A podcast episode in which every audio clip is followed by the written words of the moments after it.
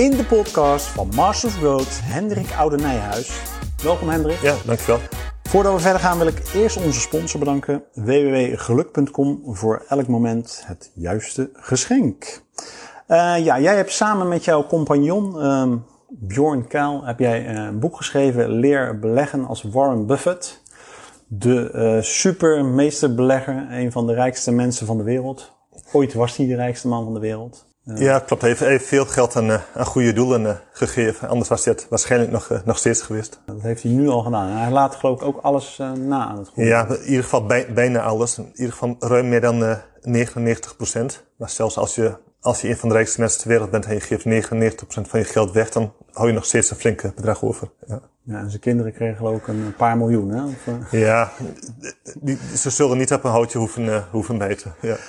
Want hij, hij heeft een vermogen van 73 miljard, klopt dat nog? Nou, het, het is een beetje gedateerd. Het is inmiddels alweer meer dan 100 miljard. En ondanks dat hij miljarden weggeeft aan goede doelen, renderen de beleggingen zo goed dat er alsnog steeds meer geld bij komt. Hey, en waarom die uh, ja, interesse in Warren Buffett? Spreekt het goed uit? Ja, spreek je, uh, spreek je goed uit. Um, ik, ik, ben eigenlijk al heel lang begonnen met uh, ja, mee te verdiepen in beleggen. Eigenlijk is het, hoe, hoe zou ik het zeggen, Eind jaren 90 ben, ben ik daarmee mee begonnen. Aandelen gingen enorm omhoog. Ik zag het als een manier om makkelijk geld te verdienen.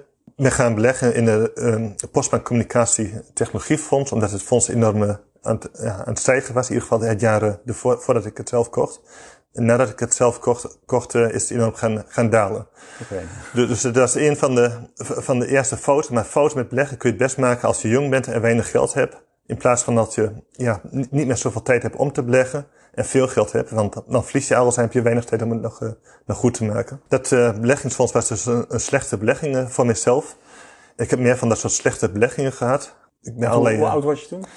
Ja, de, jaar of 8, 17, 18. Dus dat eigenlijk vrij, vrij vroeg. Dan had je wel geld dus om te beleggen? Ja, was gewoon... wel, wat. En verdiend met verschillende manieren van, uh, van ondernemerschap. Het waren geen, uh, geen grote, grote bedragen. Het was een paar duizend uh, gulden, een paar duizend euro. Gulden was het volgens ja, mij toen, toen nog. 17 is dat ja, klopt. eigenlijk. Ja. Het, het, was een redelijk bedrag, maar, maar niet een ab absurd bedrag. Het deed wel pijn.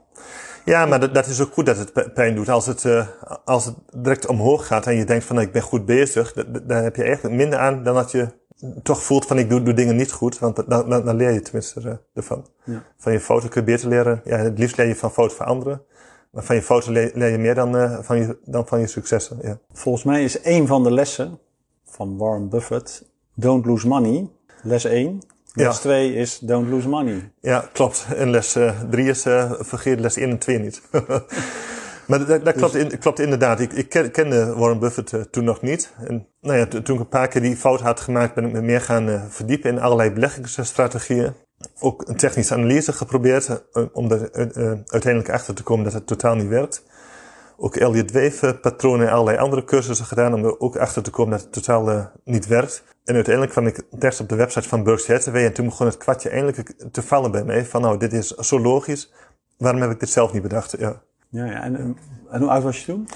Een jaar of uh, 20, 19, 20, ja. Oké, okay, dus je hebt al uh, drie jaar geld verloren en toen had je zeg maar de, de ja, juiste manier. Toen, toen begon het eindelijk, in, ja, de strategie begon eindelijk duidelijk te worden. Ik begon eindelijk te, te snappen van je, je, moet in bedrijf, je belegt in bedrijf, dat, dat, dat die relatie dat ook duidelijk begint te worden van je belegt niet in een of ander getal wat op papier heen en weer springt, maar echt in, in bedrijven. Dat het zinvol is om naar die bedrijven te gaan, te gaan kijken. Helemaal aan het begin van die periode toen ik Buffett al wel kende, kocht ik de goedkoopste aandelen. En dat waren vaak bedrijven die niet zo goed waren. En ik heb echt de switch gemaakt dat ik tegenwoordig veel vaker kijk naar bedrijven die een stuk beter zijn. En, en die probeer aan te schaffen als de, als de waardering niet, niet al, te, al te duur is. Dus eerst keek ik naar slechte bedrijven die heel goedkoop waren.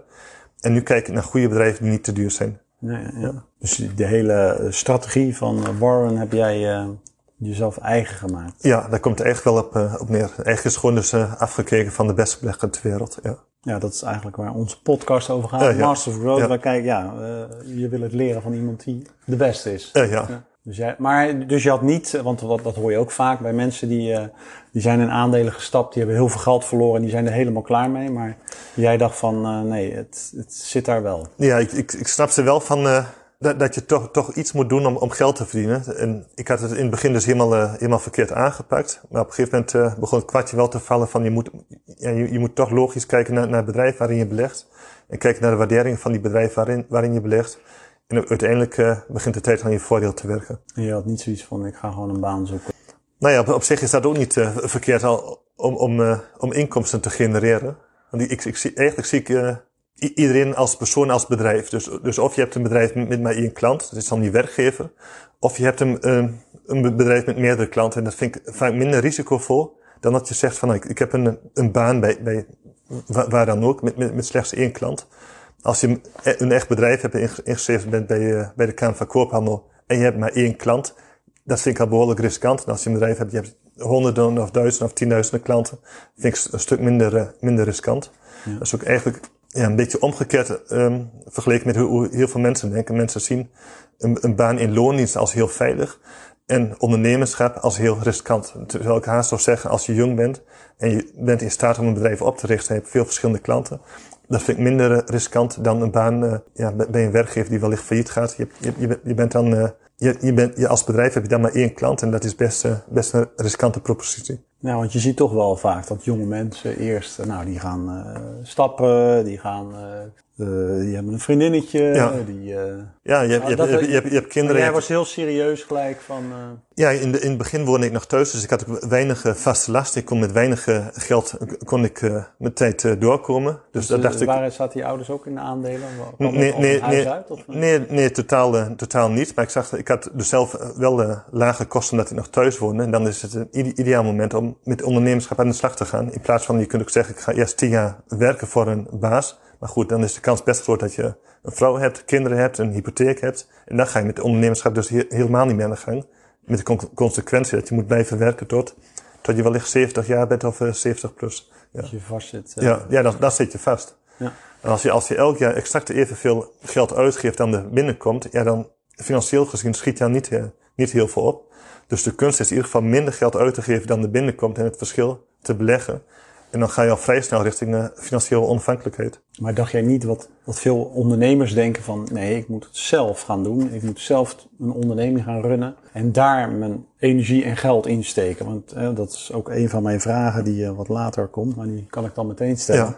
Ja, waarom zou je in een ander bedrijf beleggen, terwijl je misschien ook gewoon in je eigen bedrijf zou kunnen nou ja, investeren? op, op zich, ik, ik ben zelf dus begonnen met uh. Dat is een freemium uh, businessmodel hebben we daar. Dus de meeste informatie geven we gratis weg. En een gedeelte voor mensen die zich echt uh, willen verdiepen, die informatie is betaald. Maar het bedrijf is in zekere zin zo goed, dat, dat rendement op het geïnvesteerde kapitaal dat we daar hebben, dat is zo hoog, dat we, we hebben echt geen kapitaal nodig om te investeren. Dus het, in zekere zin, het rendement dat je daar haalt is oneindig, omdat je geen kapitaal nodig hebt, uh, nodig hebt voor het bedrijf zelf. Dus we zouden wel geld in het bedrijf willen beleggen, maar het is eigenlijk uh, ja, niet nodig. Maar wat zou je iemand uh, adviseren die is 23, heeft een, een bedrijf, verdient daar flink wat geld mee. Moet hij dat nou in zijn eigen bedrijf investeren of zou hij het beter in aandelen kunnen beleggen? Ja, dat, dat ligt dan als het een veelbelovend bedrijf is en, en je kunt makkelijk opschalen. En je kunt, de ondernemer vindt waarschijnlijk dat het veelbelovend nou ja, is. als, als veel, veelbelovend. Ik, ik, wat, wat spreiding is op zich niet verkeerd. Maar goed, stel je kunt, uh, kunt heel makkelijk nieuwe filialen openen. Waarbij je bijvoorbeeld 50% op je geïnvesteerde kapitaal haalt. Dan zou ik zeggen van nou, dat is een prima, prima belegging. Doe maar. Ja, ja want um, hè, om even het succes van Warren Buffett. Uh, hij heeft een investeringfonds, een Berkshire Hathaway. Ja, uh, ja. Je noemde het al. Als je daar 50 jaar geleden 1000 dollar had ingelegd, wat, wat, wat is dat nu waard? Poeh, dat is een goede vraag. Dat is, uh, dat zullen, jij een mooi cijfer? Ja. Het, het zullen tientallen uh, miljoenen zijn. En ik, ik zou het eigenlijk exact moeten, uh, moeten, moeten terugrekenen. En dat is omdat je het effect van uh, exponentiële groei hebt, um, compounding, en dat is zo sterk. Dat is, dat is heel moeilijk om, om dat in, in je hoofd uit te rekenen. Als ik mensen vraag, als we een, een presentatie houden van, nou, stel je nu eens voor, we gaan, uh, je, je mag duizend stappen zetten. Ja, wat is dat compounding? Ja, dat, dat, dat, dat compounding. noemt geloof ik de Ja, zevende, achtste wereld. Ja, achtste wereldwonder of, of um, nou ja, om, om, die, om bij die stappen uh, te blijven. Stel je, stel je mag 30 stappen zetten en je zit, zit binnen en de parkeerplaats is iets verderop. Nou, mensen kunnen zich wel voorstellen met 30 stappen, nou wellicht 30 grote stappen, haal ik net mijn auto. Maar als ik nu vraag van nou, elke stap verdubbelt de afstand. Dus de eerste stap heb je 1 meter. De tweede stap heb je een stap van 2 meter. De derde stap een stap van 4 meter. De vierde stap een stap van 8 meter. Wat voor afstand leg je dan af um, in, in 30 stappen? En mensen kijken elkaar aan en die hebben eigenlijk geen idee. Maar in werkelijkheid is dat je de afstand aflegt van, van, uh, van de aarde tot de maan. Dus zo verschrikkelijke, verschrikkelijke afstand is het. En als je het nog een keer zou doen, zou je weer terug zijn op aarde. Om, om maar aan te geven hoe krachtig dat effect van uh, compounding is. Ja. En uh, we hadden het net in het voorgesprek al over. Dat compounding is natuurlijk uh, enorm, maar daar moet je wel geduld voor hebben. Ja, geduld is. Uh... Want ik zag dat bij uh, Warren Buffett, uh, ook in jouw presentatie, toen hij 52 werd, toen ging het als een komeet, zeg maar. Ja, dat, dat dan is ineens 10 miljard, 20 miljard. Dat klopt inderdaad. En, en het, het, klopt inderdaad. Buffett heeft uiteraard het grootste deel van zijn geld verdiend vanaf zijn leeftijd 60 plus. Maar dat komt uiteraard weer door, door compounding. En als hij het bedrag dat hij had op zijn 60-jarige leeftijd, als hij dat niet had gehad, was hij nu ook niet zo rijk geweest. Dus ja en nee. Die knik in een expo exponentiële grafiek, die bestaat in werkelijkheid helemaal niet. Maar je, je ziet het omdat die absolute bedragen op een gegeven moment uh, steeds hoger worden. Ja. En stel nu, Warren Buffett heeft nu 100 miljard, hij haalt een rendement van 10% hij aan het eind van het jaar weer 10 miljard erbij. En stel nu een, een, een middelbare um, schoolstudent, die heeft, laten we zeggen, 10.000 euro. Die had een fantastisch rendement van 30%. Die heeft aan het einde van het jaar 3000 euro verdiend. En die, die student heeft het veel beter gedaan dan Buffett. 30% tegenover 10%. Maar die student heeft uh, 3000 euro verdiend en Buffett 10 miljard. En daar zit toch wel een, uh, een stukje verschil tussen. Ja, en dat brengt mij op de vraag. Als je eenmaal gaat in die aandelen gaat, dan ja, wanneer hebben we het net al over gehad, wanneer ga je dan er wat uithalen? Want je wil eigenlijk niet aanzitten, maar je moet ook leven als je daarvan wilt leven. Ja, ik, ik, ik snap de vraag. De, de, ten eerste om in aandeel te gaan moet, moet je wat geld hebben. En, daarvoor moet je echt al leven onder je stand om, nou ja, om, om geld over te houden om, om überhaupt in, in aandelen te kunnen, uh, te kunnen beleggen.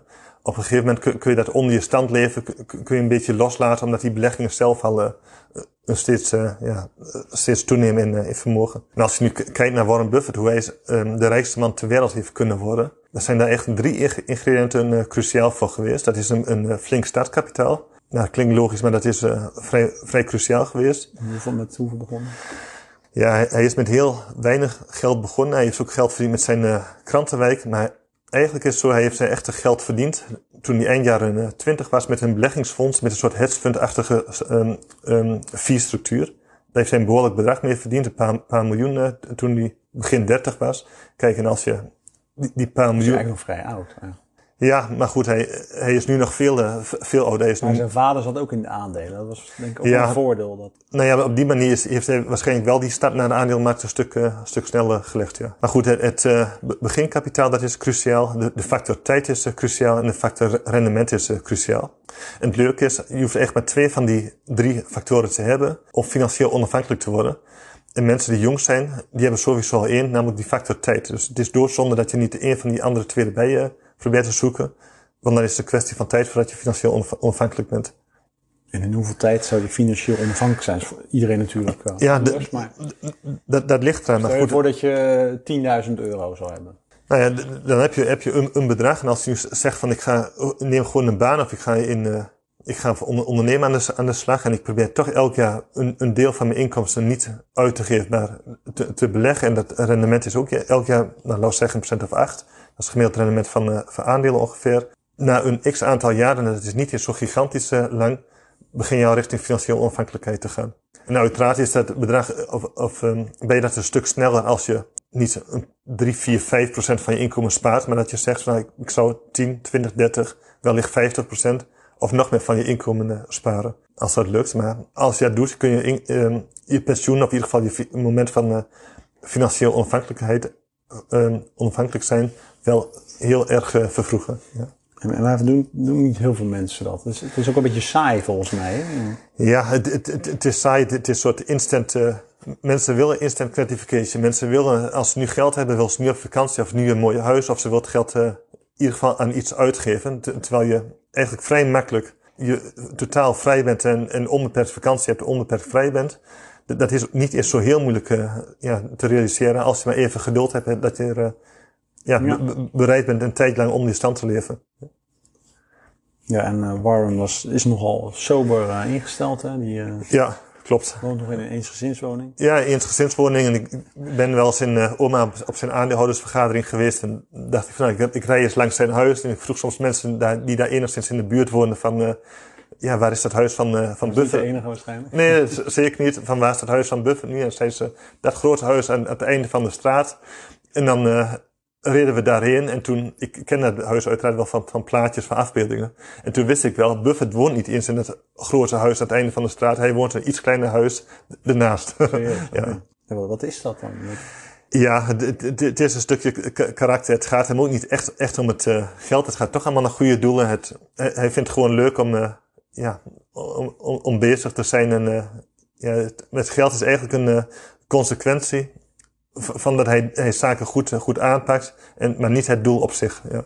En is dat misschien ook zijn kracht die zo stabiel is? Ja, de- hij, hij laat zich niet, eh, niet, niet beïnvloeden als aandelen een keer eh, heel hard gaan dalen of eh, enorm gaan stijgen. Hij raakt er niet helemaal eh, ervan in paniek. Hij probeert echt altijd eh, rationeel te zijn. Hè, En nou, we hebben het al een beetje over gehad, maar als je jong bent, ja, hoe zou je dat dan aan moeten pakken? En, en, en daarbij ook, ja, voordat je het weet, kan je leven zomaar voorbij zijn. Dus Nou ja, mijn, mijn suggestie zou in, in ieder geval, zelfs jong bent, zorg dat je onder je stand leeft en eh, geld, geld overhoudt dat je hebt om, om te beleggen. En als je het nu niet, eh, en hoeveel zou dat moeten zijn? ja, ook, ook, al, ook al is het maar 100, 100 euro per maand of, of wellicht nog, nog minder 50 euro per maand. Er zijn allerlei eh, goedkope fondsen die, die banken eh, aanbieden, indexfondsen, waarbij je een prima rendement haalt. Wellicht niet zo goed als je, dan wanneer je zelf aan de slag zou gaan en echt met value beleggen aan de slag zou gaan. Maar het is al een, een prima optie om dat je dat überhaupt gaat, eh, gaat doen. Het, het is nu ook makkelijk, omdat je natuurlijk eh Ja, de- bedrijf als de Giro hebt. En, eh, Het, is heel makkelijk, maar dat is ook echt weer een soort van, eh van valkuil. Het, het, is, het is zo makkelijk dat je denkt van nou, ik, en het, is, het, het lijkt ook zo, zo goedkoop qua transactiekosten. Dat je denkt, nou, ik kan elke dag wel even iets doen. Terwijl die emoties je continu op het, op het verkeerde been zetten. Als bij Albert Heijn de boodschappen in de aanbieding zijn, denk je nou, ik neem wat extra flessen, flessen cola mee of, eh, of wat ook in de aanbieding is. Maar als op de beurs eh, aandelen in de aanbieding zijn, als alles flink omlaag gegaan is, besluit iedereen te verkopen. Terwijl dan een heel logisch moment is, is eh, om extra in te slaan. En eigenlijk zou je naar de, naar de beurs moeten kijken als, als een supermarkt. Als in de supermarkt de zaken in de aanbieding zijn, koop je extra. En als het opeens een stuk duurder is, dan ben je iets, iets voorzichtiger. want jij analyseert zo'n bedrijf helemaal. Want eh, jullie doen value belegging, ja. zo heet dat, Ja. beleggen. Kan je daar Nou iets eh, over vertellen? Hoe dat, Ja, eigenlijk de, de naam value beleggen, dat vind ik, vind ik zelf een beetje onzin. Want eigenlijk alle vormen van, van, van, van beleggen, je, je, je probeert iets te kopen voor minder dan het waard is. Dus in principe zou alles value beleggen moeten, mo- moeten zijn. Maar het heet kennelijk value beleggen, omdat de beleggingsvormen zijn waarbij helemaal geen rekening wordt eh, gehouden. ehm, ja, voor, voor de prijs ja, van wat je krijgt, als het ware. en, maar je hoort heel vaak van eh, de, de markt, zeg maar, timen. Of, Ja, de- daar dat, moet je niet aan beginnen. nee, dat, eh, Je kan dat- beter maar instappen dan, ja, en een fonds volgen. Een, eh, Ja, Charlie Munger, dat is de zakenpartner van, van Buffett, die zegt ook van nou, het, het, het geld wordt verdiend met de periode dat je, dat je in aandelen zit. Het wordt niet verdiend met het in een, in een uitstap. Ja, dus eigenlijk moet je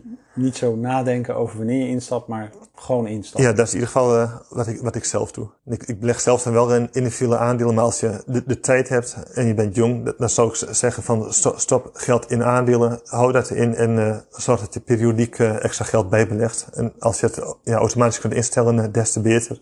Dan haal je, haal je die emoties uit het proces. En dat, dat eh, erbij beleggen, waar doe je dat? Het is dezelfde aandelen altijd? Of? Ja, dat, dat ligt dan als, als je ges- gespreid belegt in een, in een indexfonds, wat op zich niet heel, eh, heel slecht is, zou je dat eh, eigenlijk continu kunnen, kunnen doen. Ja. Ja, ik sta ook ingeschreven op jullie nieuwsbrief, dus ik krijg eh, regelmatig een, eh, een bedrijf wat jij dan helemaal ja, doorgelicht hebt. Eh, ik heb eh, een, een klein eh, gedeelte van mijn geld belegd op jouw adviezen en dat is...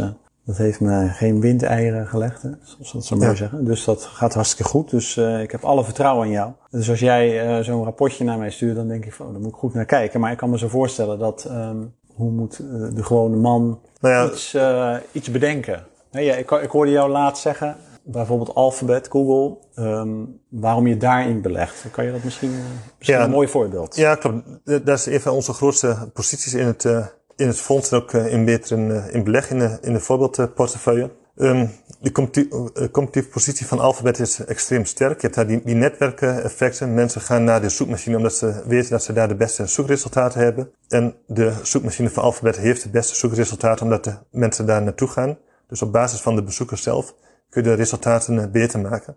Is die situatie één keer ontstaan, dan kom je, kom je als concurrent bijna niet meer tussen. En uiteraard heb je nog andere factoren. Bijvoorbeeld gewoonte. Mensen zijn, als ze één keer Google kennen en de resultaten zijn naar tevredenheid, zijn ze niet meer geneigd om nog, nog te switchen naar een, uh, een concurrent van, uh, van Alphabet. En jij kijkt dan ook, hè, want dat kunnen wij misschien zelf wel bedenken, ja. hoe Google werkt, maar uh, wat de waarde is en of het een goed moment is. Want uh, ik hoor jou niet over Facebook bijvoorbeeld. Nou ja, Facebook ben ik zelf ook uh, in belegd. Dat, dat, zijn echt allebei fantastische bedrijven. Om nog even terug te gaan naar, naar Alphabet. Je, je, hebt nog verschillende componenten van, van het bedrijf, waarvoor je eigenlijk die beurskoers zou moeten corrigeren. Dan kom je tot de conclusie dat het een fantastisch bedrijf is voor een vrij lage prijs. Als je niet, niet corrigeert voor die andere zaken, betaal je wellicht nu een koers-winstverhouding van ongeveer 30. Dat is iets hoger dan het beursgemiddelde. Maar goed, heb je dus een ijzersterke bedrijf vanwege die netwerkeffecten. En uiteraard heb je nog steeds die trend van um, offline adverteren naar online, waar Alphabet nog steeds van profiteert. Maar ze hebben ook nog heel veel uh, geld op de bank staan. En dat geld dat zie je niet terug in de winst van, uh, van Alphabet, want dat geld ja, dat levert geen rente op, maar ze hebben, hebben het wel. Dat is ruim 100 miljard dollar. Dus eigenlijk zou je de beurskoers daar, daarvoor moeten corrigeren. Dan heb je nog andere bezittingen, bijvoorbeeld YouTube. Dat is ook een fantastisch bedrijf. Het doel van YouTube, um, dat alfabet tenminste had, was eerst de hele wereld verslaafd maken aan YouTube. En daarna pas te focussen op uh, omzet en winst. Daarmee zijn ze net uh, begonnen. Dus het levert nog niet echt een substantiële bijdrage aan de winst. Maar ze hebben YouTube wel.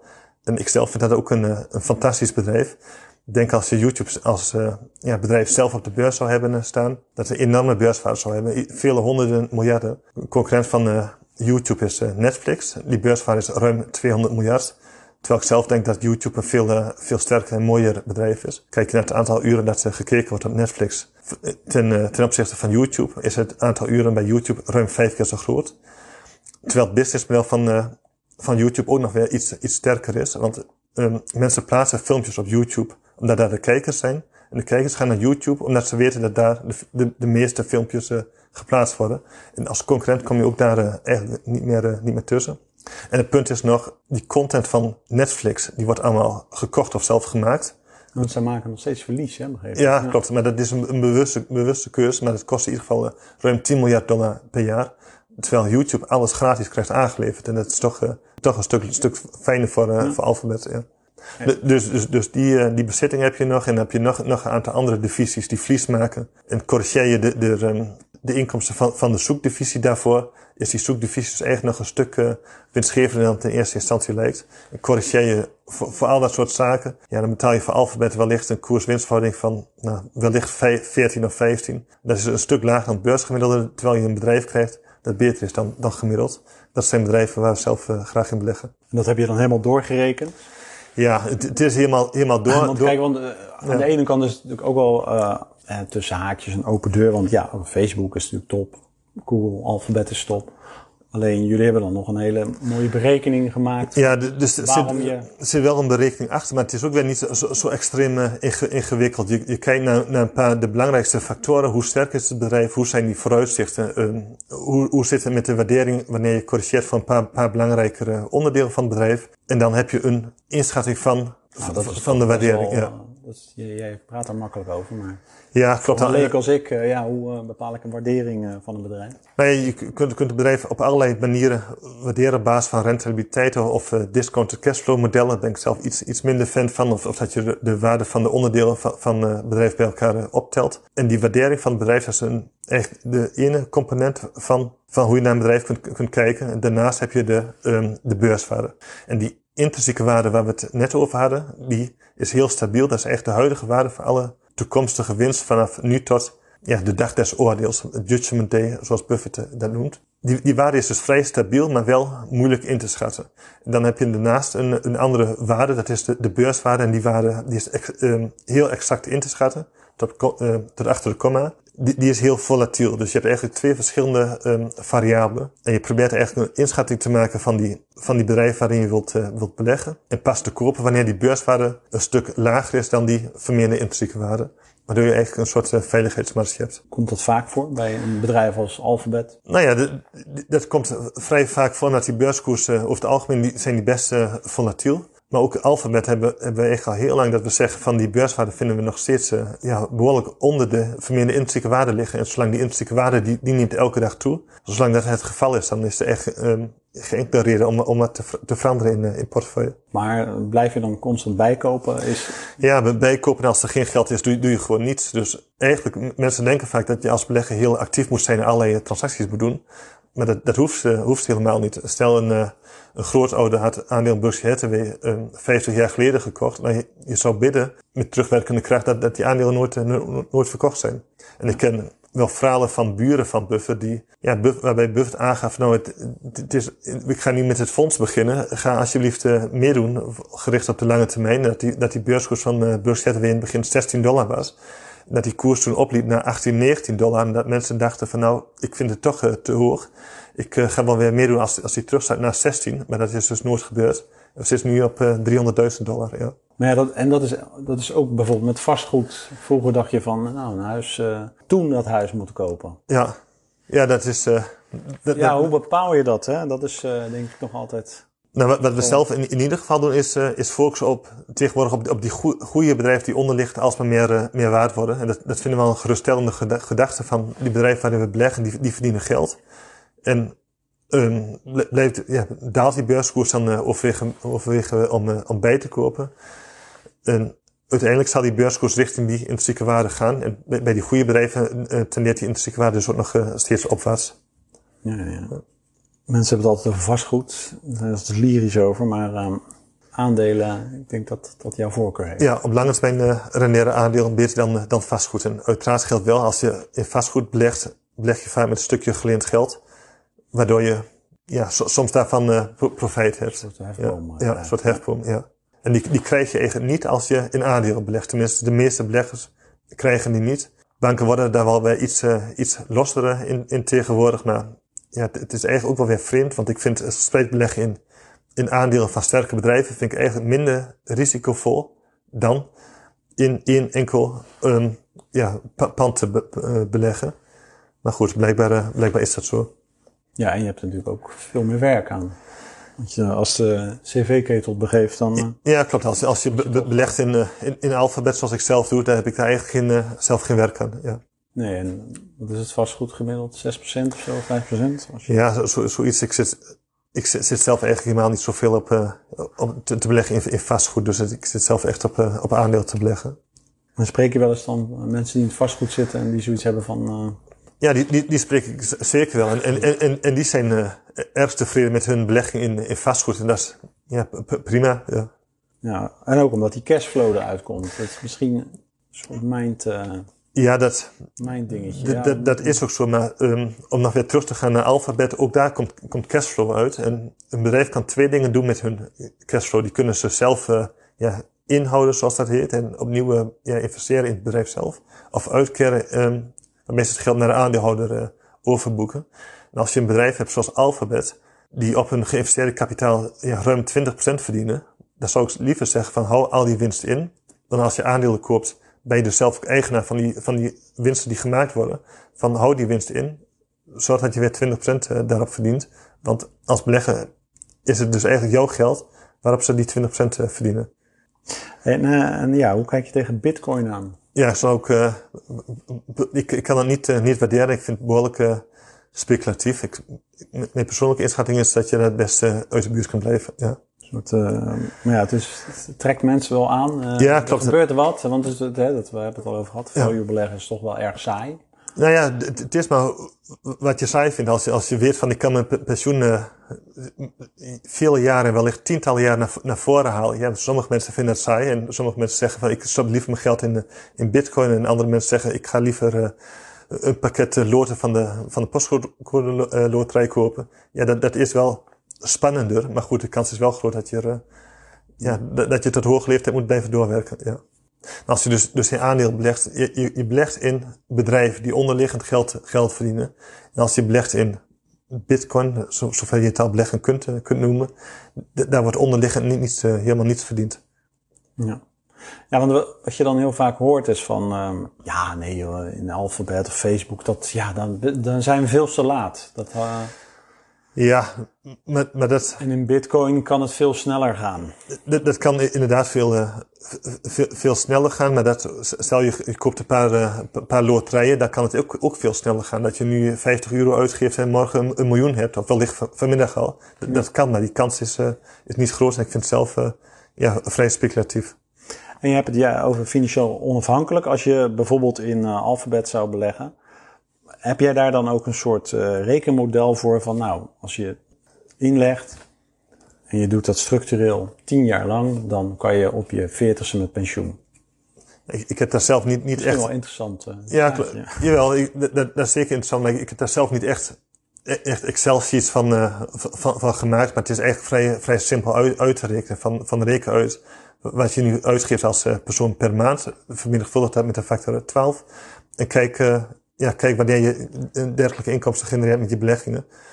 En dat, dat kan zijn dat je zegt van ik, ik haal elk jaar 4% van mijn beleggingen af.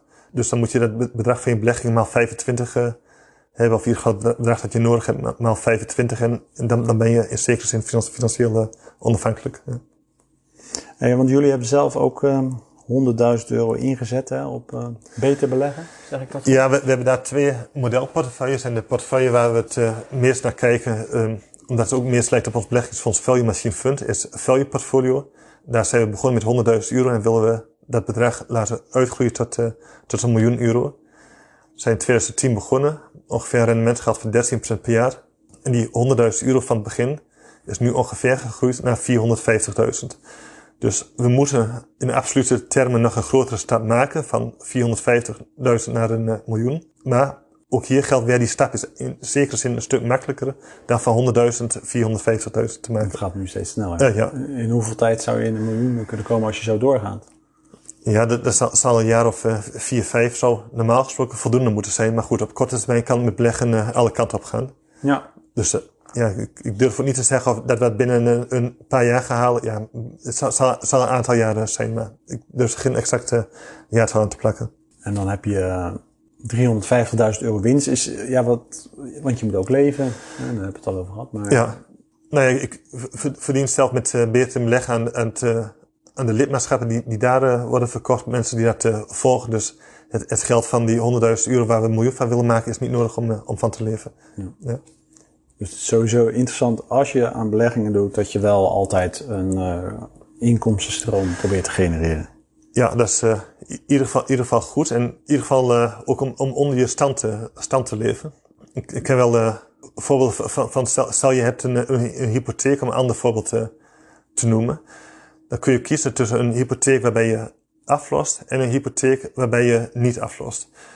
En als je het over een periode van, van 30 jaar doet, vaak is het verschil maar behoorlijk klein. Wat je nu per maand in het begin aflost, om na die 30 jaar helemaal af te zijn wellicht een paar tientjes uh, per, per, maand. Maar dan ben je aan het einde van de periode dus, dus er helemaal van af. Of je hebt nog steeds die schuld, uh, schuld over. Dat is ook weer een, ja, het, het omgekeerde van, van, van het voorbeeld van. Compound, ja, omgekeerde compounding. Ja. ja, want je ziet nu ook veel duidelijker wat je betaalt hebt aan rente. En daar schrik je. Ja, klopt. Het, dit, van, ja. het, is behoorlijk. En ik, ik, ik, ik heb familieleden die, die zeggen van mij van je, je zou in dit geval absoluut geen, eh, geen huizen eh, meer moeten kopen. Omdat die prijzen zo hoog zijn. Ja, dat, dat kan, wel, kan wel waar zijn. Maar die rente is ook extreem laag. Ja. Als je nu kijkt van, nou, nu, nu betaal je met een normale hypotheek wellicht uh, één keer de prijs van het huis plus één keer de rente over een periode van uh, 30 jaar. Dus eigenlijk twee keer de prijs van het huis. Als je het vroeg had gedaan, betaal je wellicht uh, één keer de prijs van het huis, maar nog vier keer de prijs van de rente. Dus betaal je eigenlijk vijf keer de prijs van het huis. Dus de prijs van het huis zelf plus die rente samen. Dus het, het is niet echt, uh, echt goed te vergelijken. Ja. Nee, nee. ja, en je zou zeggen, je kan dan beter zo min mogelijk aflossen en beleggen. Maar dat, daar gingen die woekerpolissen toch, uh, wat was dat? ja, dat misschien een ander verhaal, maar ja. Klopt, in ieder geval beleggen met ge, ge, geleend geld zou ik uh, sterk af, afraden. Een vraag van onze sponsor www.geluk.com. Is er ook een factor geluk met beleggen? Heb jij dat zelf wel eens meegemaakt? Ja, je, je hebt... Um, Reken je dat mee? Of, uh... nee, je hebt, je hebt altijd wel, wel een factor geluk. Je, je, hebt, je spreekt vaak uh, over missers, maar de meeste beleggers, de mensen die, die, die niet al te, ja, al te actief handelen, die, die, die hebben geluk. Want aandelen op lange termijn renderen een procent of acht per jaar. Dus stel je koopt 20 verschillende aandelen en je, je kijkt er 10 jaar niet meer naar, dan is de kans heel groot dat, dat ze gemiddeld uh, meer waard zijn dan op dit moment. Dus in zekere zin heb je de wind al meer. Maar als je nou, daar denk ik dan wel eens over na, je bent precies 10 jaar verder en je wil met pensioen gaan en op dat moment is heel de markt ingezakt. Wat dan? Ja, in... Wachten of is het dan nog wel genoeg om... Uh... Nou ja, dat ligt eraan hoeveel, hoeveel kapitaal er nodig is en hoeveel je nodig hebt om, om van, van te leven. Maar uiteraard kun je dan zeggen, een, een aantal jaar voordat ik met pensioen ga, ga ik wat uh, geld uit aandelen halen om dat risico wat, wat af te bouwen. Ja, ja. Ja. ja en, en zo lang mogelijk blijven zitten, toch? Ja. Uh, niet verkopen. Noemen ze nee, market, hè? noemen ze dat, geloof ik? Ja. Kun je daar iets over vertellen? Ja, de, de, Mr. Marx is eigenlijk een soort manisch depressief figuur. Dat is de zaken, ja, dat is een, Warren Buffett noemt dat, noemt dat zijn fictieve zakenpartner. En die um, fictieve zakenpartner, die is manisch depressief. Die is elke dag bereid um, zijn aandeel in, in het bedrijf um, te verkopen tegen een bepaalde prijs. Of de aandeel die je zelf in het bedrijf hebt, te kopen tegen diezelfde prijs. En de ene dag is Mr. Market uh, heel negatief. En is hij bereid tegen een hele lage prijs zijn aandeel aan jou te verkopen. En de andere dag is hij heel optimistisch en bereid voor een hele hoge prijs de aandeel die je zelf in datzelfde bedrijf hebt over te nemen. En de kunst is, tenminste zo zegt Buffett dat, is om je niet te laten beïnvloeden door het manisch depressieve gedrag van Mr. Market, maar altijd rationeel te kijken van nou wat is nu rationeel? Is het nu rationeel om die aandelen van mij die ik zelf heb um, te verkopen of uh, tegen die prijs extra aandelen bij te kopen, in plaats van meer te gaan in, in de gekte.